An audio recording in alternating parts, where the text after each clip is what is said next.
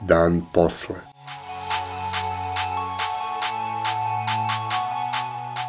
Podcast o krizi i njenim posledicama.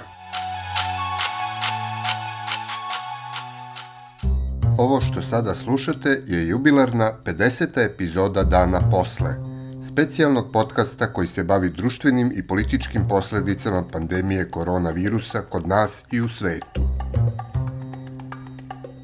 Medijima i društvenim mrežama danima kruže nezvanične informacije da je epidemiološka situacija u našoj zemlji mnogo gora nego što mislimo i da su kapaciteti našeg zdravstvenog sistema već uveliko preopterećeni. Posebno je odjeknula izjava doktora Radeta Panića, predsednika Sindikata lekara i farmaceuta Srbije u emisiji Među nama, u kojoj je pozvao građane da ne veruju ni politici ni kriznom štabu, već da paze na svoje zdravlje, jer, kako je rekao, lekari više nemaju čime da im pomognu. Iako je i dalje nejasno da li se radi o novom talasu epidemije, drugom piku prvog talasa ili nečem trećem, jedno je sigurno – Broj novozaraženih je sada već izvanično u drastičnom porastu. Juče je saopšteno da su zabeleženo 242 nova slučaja, dan ranije 254, a dan pre toga 227. Brojke slične ovima su poslednji put zabeležene 12. aprila kada je bilo 250 zaraženih, a tada je rečeno da je epidemija bila na vrhuncu.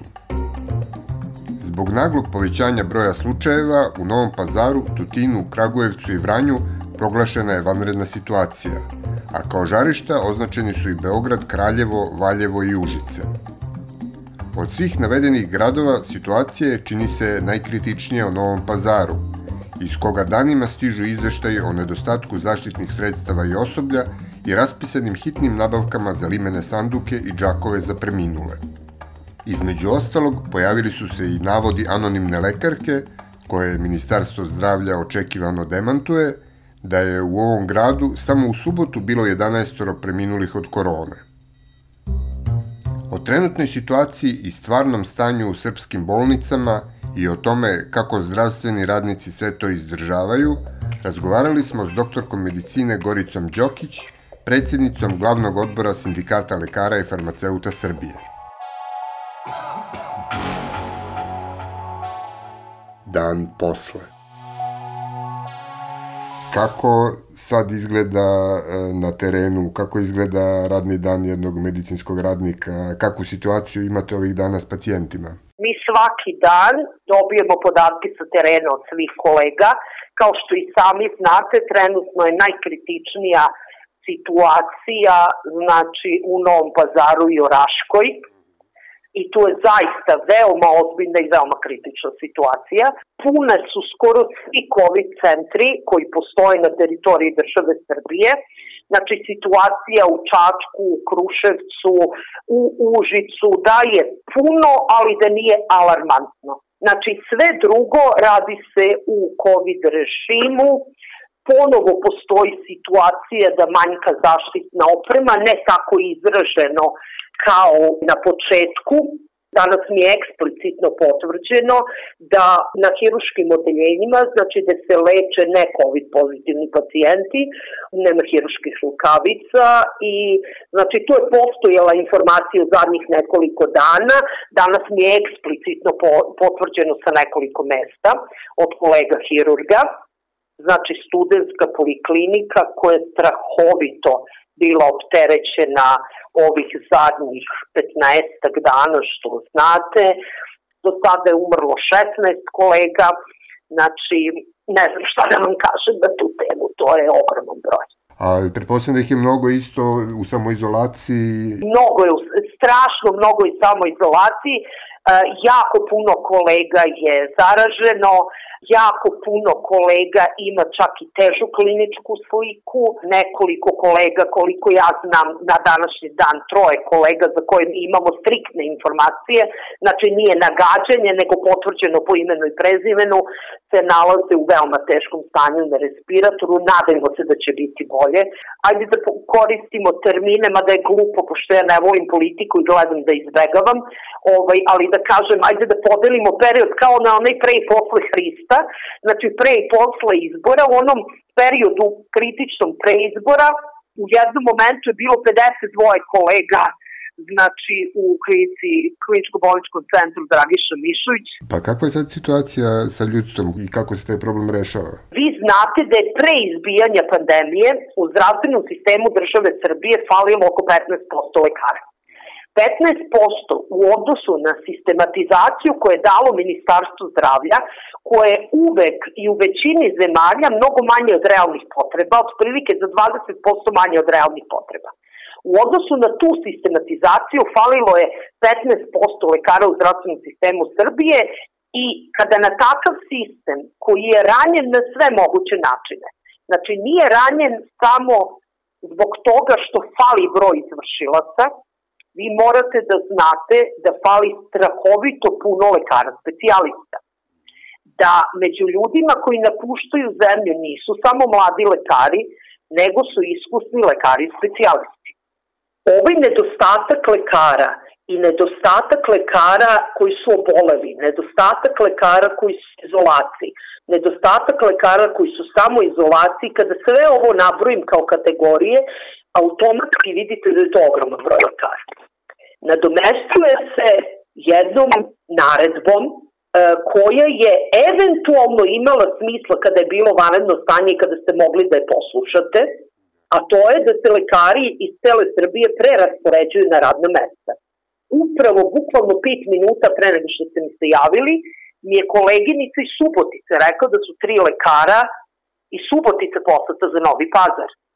Da ne pričam kolege iz Čačka, iz Kragujevca, iz Kraljeva, svi su, što nikakav problem nije, kada bi se došlo i reklo kolege, trebamo da pomognemo kolegama u Novom pazaru koji su na ivici snaga ko će da ide. Ja pouzdano znam da se doktor Panić u nekoliko navrata javljao dobrovoljno da ide i niko nije hteo da ga pošle ili je nepodoban. Ja znam gomilu naših kolega koji su se dobrovoljno javljali, neki su poslati, neki nisu poslati.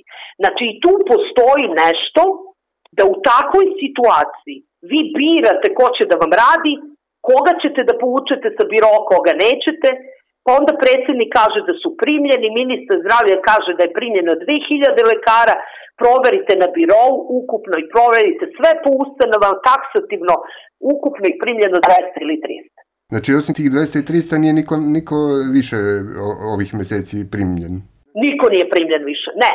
I većina tih koji su kao primljeni nisu primljeni u stalni radni odnos kao što je rečeno, jer je e, rečeno ne postoji više varedno stanje, nema potrebe za vama, itd. itd.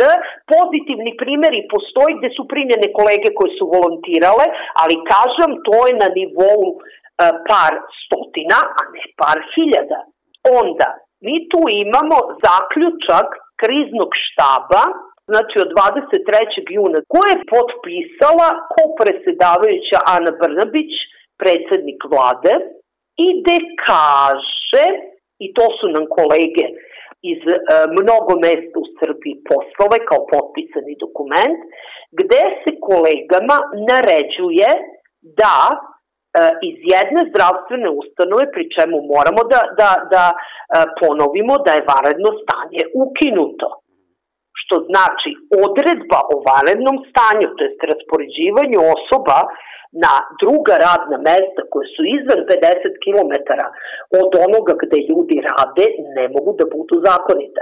Kolege su raspoređivane iz e, različitih delova Srbije, tamo gde e, po proceni kriznog štaba postoji potrebe za povećanim obimom posla i Na to se piše da su odluke uglavnom usmene i da se kolege usmeno raspoređuju bez pisanog rešenja i ako kolege ne odu na svoj novi raspored, da im se preti otkazom.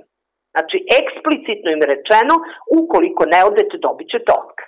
I onda je naša pravna služba analizirala taj dokument, gde, znači, krizni štab kao pojam nije definisan jednim propisom Republike Srbije. Ko čini krzni štab takođe, znači takozvani skup stručnjaka. Šta znači stručnjak? malo je ovaj, kompromitovani termin struka. Da. Tako je i nikako znači ovaj, ne može kao e, posledica odbijanja dužnosti van vanrednog stanja ne može čovek da dobije, ne može lekar da dobije otkaz. Zbog toga je sindikat lekara i farmaceuta savjetovo sve lekare, morate da primetite da se mi ne bavimo isključivo našim članovima, jer ovo je situacija gde se mi borimo za goli život, za goli život moraju da se bore sve naše kolege i mi ih ne delimo na one koji su nam članovi, one koji nisu. I što se primetilo i s obzirom da nam apsolutno svi lekari, čak i masa medicinskih tehničara koji nažalost ne mogu da nam budu članovi po, po našem statutu, šalju mnoga pisana dokumenta i mnoge informacije svih delova Srbije. Mi smo savjetovali lekare da traže pismeno rešenje, rešenje da li je to radna obaveza ili nije radna obaveza, plan popune zdravstvenih ustanova koji se šalju i tek na taj način da vidimo da li takva rešenja imaju pravnu snagu i da li mogu proizvoditi pravno dejstvo. Lekari moraju da se informišu, da moraju da traže da ništa nema na reč. Kada je varedno stanje, po onome što je donela u tom trenutku vlada, usmeno imalo istu težinu kao pismeno, ali van varednog stanja to ne može da bude tako. Pa jel traže ljudi ta rešenja, da li ih dobijaju i kako reaguju kad ih dobiju ili ne dobiju? Evo, ovo je krenulo u zadnja tri dana. Koliko znam, kolege koje su nam se obraćale, mi smo ih sve savetovali, sad ćemo da vidimo ko je šta dobio. Niko tako brzo ne odgovara, verujte mi. Znači, ako sam dobro shvatio, postoji veliki problem sa ljudstvom, situacija sa opremljenošću se poboljšava? Ne, ne, situacija sa opremom je na početku, e, sa onim zvaničnim početkom u državi Srbiji COVID ovaj, epidemije, bila katastrofalna. Onda se posle jedno mesec dana počela popravljati i to je bio onaj prvi talas smrtnih slučajeva i među lekarima. Ja neću sad da se obazirem na te neprimerene komentare predstavnika vlasti, da li se neko zarazio, znači dok se šetao, skijao ili u seksualnim kontaktima, znači zarazile su se kolege većinski na svom radnom mestu i nećemo da ih vređamo dodatno značajno nedostaju maske. Sada su svi, zahvaljujući vizionarima, ali delimično zahvaljujući državi, obskrbljeni sa vizirima koje su zaista jako važne da se nose, jer u isto vreme štite znači i oči, i nos, i usnu duplju i kad se ispod vizira nosi maska, pogotovo ako se nosi KN95 maska, znači kad se u COVID centrima nose zaštitna odela, toga koliko čujem na svu sreću ima, ali ne u dovoljnoj meri. Znači da se jednokratna zaštitna oprema pere i suši u dvorištu bolnice, znači što je skandalozno.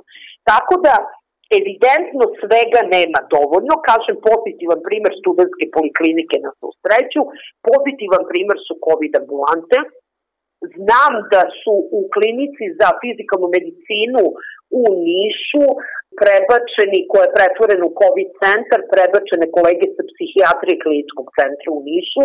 Znači, kad se došlo do psihijatrije, verujem da je situacija onako dosta kritična. Negde još uvek nisu razdvojeni oni ulazi za COVID pozitivne i ne COVID pozitivne pacijente. Rezultati se čekaju 100 godina, Znači, najkraće što se dobije rezultat je 5 dana, to su informacije sa terena, kolege se i dalje veoma redko testiraju, doktoru Paniću je sestra pozitivna, on takođe nije testiran, rečeno mu je da nije u riziku. Znate, tako da svugde tu ima neke manjkavosti i to je jedan niz namernih i nenamernih grešaka. Svakako i sami znate da, je, da su brojevi mnogo veći nego što se realno objavljuju. U trenutku kada smo mi imali, sada imamo 16 e, pokojnih kolega po imenu i prezimenu specijalnosti mestu gde su živeli, u trenutku dok smo mi imali na spisku 12 lekara, krizni štab je objavio da je preminulo ukupno pet zdravstvenih radnika. Pa to je ono što kažu, dva, oko dva i puta taman se uklapa sa onim, onom procenom o, o podcenjivanju broja. Da, da, to sam videla sam te rezultate, to je otprilike približno sa onim, nažalost, e, e, podacima koje mi imamo sa terena, zbrajanjem broja obolelih i obolelih kolega i svega, ali ne bih sad mogla sa 1000% ovaj, sigurnošću da vam tvrdim da je to baš taj broj koji su oni objavili. Ali svakako nije ovaj broj koji se zvanično objavljuje. A kažete mi, kakva je politika testiranja sada? Koliko ima testova? Da li se primenjuje to što postoji? Kad smo dobili od Kineza e, vatreno oko kao najsavremeniju laboratoriju, to je bilo na, na sva zona razglašeno, međutim, posle se nešto baš nije puno čulo da se, da se to vatreno oko koristi. Pa verujem da je to slična situacija kao sa respiratorima koji su odneti u Novi Pazar, a kolege kažu da to Znači, što je nešto doneto, mnogo je manji broj nego što je slikano, a i to što je doneto nije u ispravnom stanju. Na početku praktično niko nije testiran. Znači, one prve dve do tri nedelje čujem da su testirani futbaleri, da su testirane neke javne ličnosti, ali, boga mi, lekari su morali da imaju ekstremno tešku kliničku sliku koja se, nažalost, u jednom delu slučajeva završila letalno, da bi uopšte došli na red sa. Tako je bilo u početku. Onda su u jednom periodu kolege testirane, najavljivane, ali ne randomly ono da su svi testirani, nego ko je Znači, imao je obavezu, imao si obavezu da radiš dok ne razviješ ekstremno visoku febrilnost i brojne simptome teškog stepena COVID. Znači, to je bilo naređenje i bilo je napismeno. Onda kolege koji su imale tešku kliničku sliku su testirane, kolege koji su kontakti su veoma redko testirane, onda jedno vreme nije testiran niko, da se ne ložemo, ili jako je testiran, testiran je jako mali broj ljudi i veoma, veoma, veoma mali broj lekara. Onda je prevladao razum, znači počelo je masovno testiranje, nažalost ispostavilo se da su oni brzi testovi nepouzdani, da su svima pokazivali negativne rezultate, tako da je za sada jedini validni test PCR. Znači PCR, svi rezultati idu preko batuta, ja ne znam da li se to radi na hiljadu mesta kao što je rečeno, ali znam da svi moraju batut da idu po rezultatu. A zašto se lekari tako malo testiraju? Je li to neki strah od istine ili neki otpor samih lekara? O čemu se tu radi? Ne testiraju se lekari redko, nego im se ne dozvoljava da budu testirani. E pa to zašto? Da? Ne znam, to su neke logike kojim se rukovodi krizni štab, a šta da vam kažem, znači da, da postoji pismeno rešenje da lekari moraju da rade, kao što sam malo prenavela, dok nemaju ekstremno tešku kliničku sliku i visoku febrilnost, onda je u nekim ustanovama, znači kada lekari dolaze na posao ili dežurstvo, merila im se samo temperatura. Onda ako imaju temperaturu, vrati kući.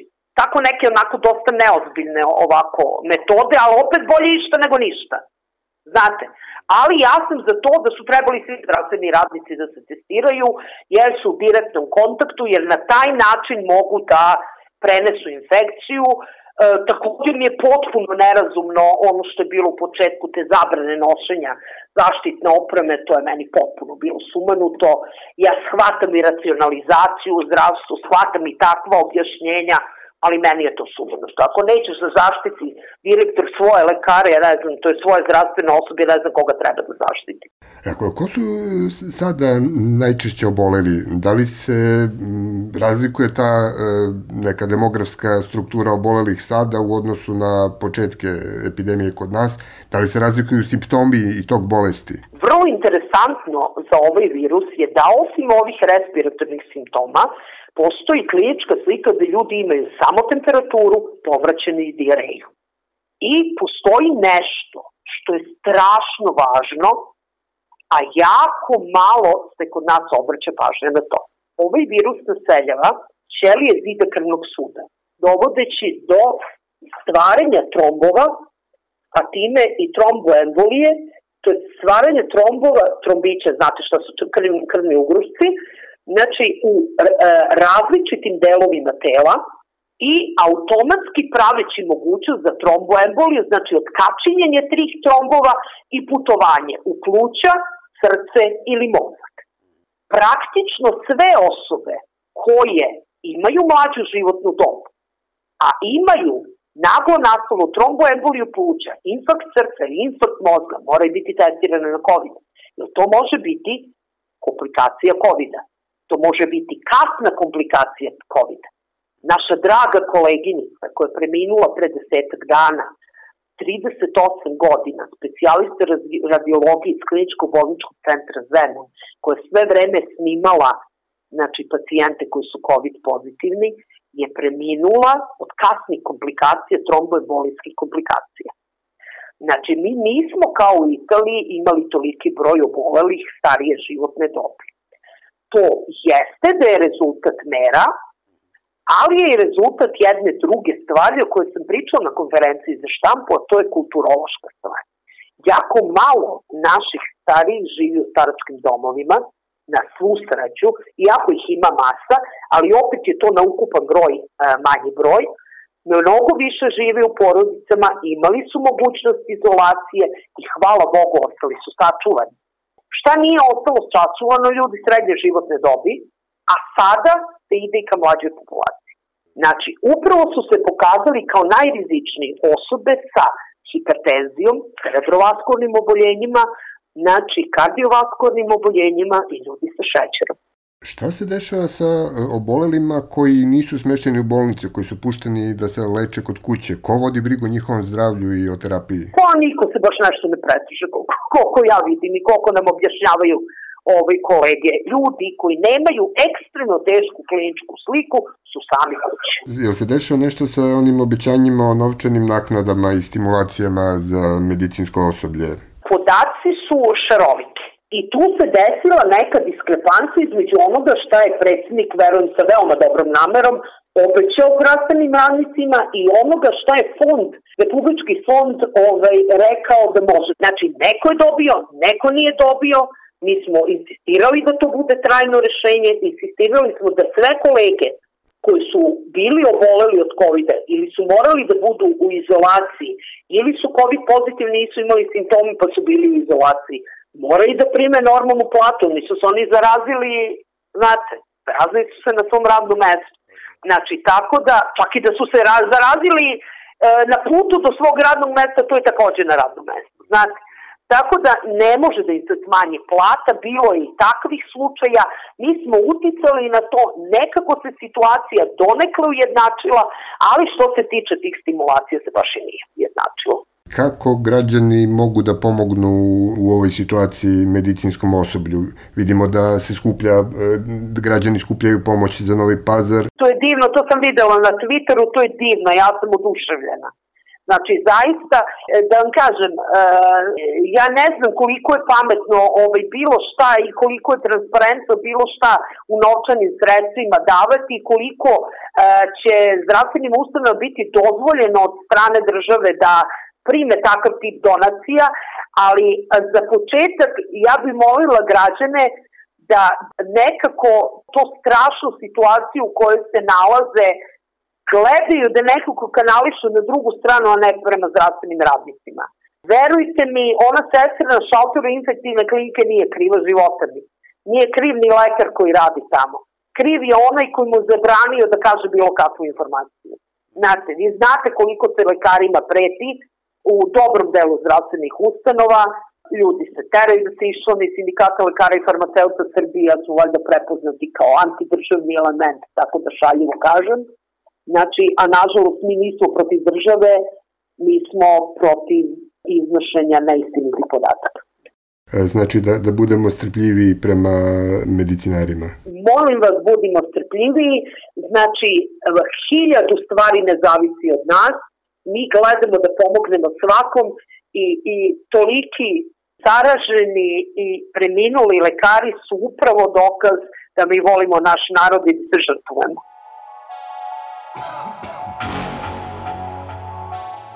Dan posle. Bila je ovo epizoda Dana posle za 30. jun 2020. godine. Nova epizoda s novim sagovornikom dočekaće vas u petak 3. jula. Nije još sve prošlo, pridržavajte se mera zaštite od koronavirusa, čuvajte svoj i tuđe živote i ne ćutite pred glupošću i nepravdom. Dan posle je specijalno izdanje Tačke ključanja, autorskog podcasta koji se realizuje uz podršku građanskih inicijativa. Stavovi izneti u emisiji nisu nužno stavovi redakcije podcasta Dan posle, niti udruženja građanske inicijative. Redakcija Ilirgaši, Tara Petrović i Aleksandar Gubaš. Urednik i voditelj Aleksandar Gubaš. Muzika Seifel Ibn Sound.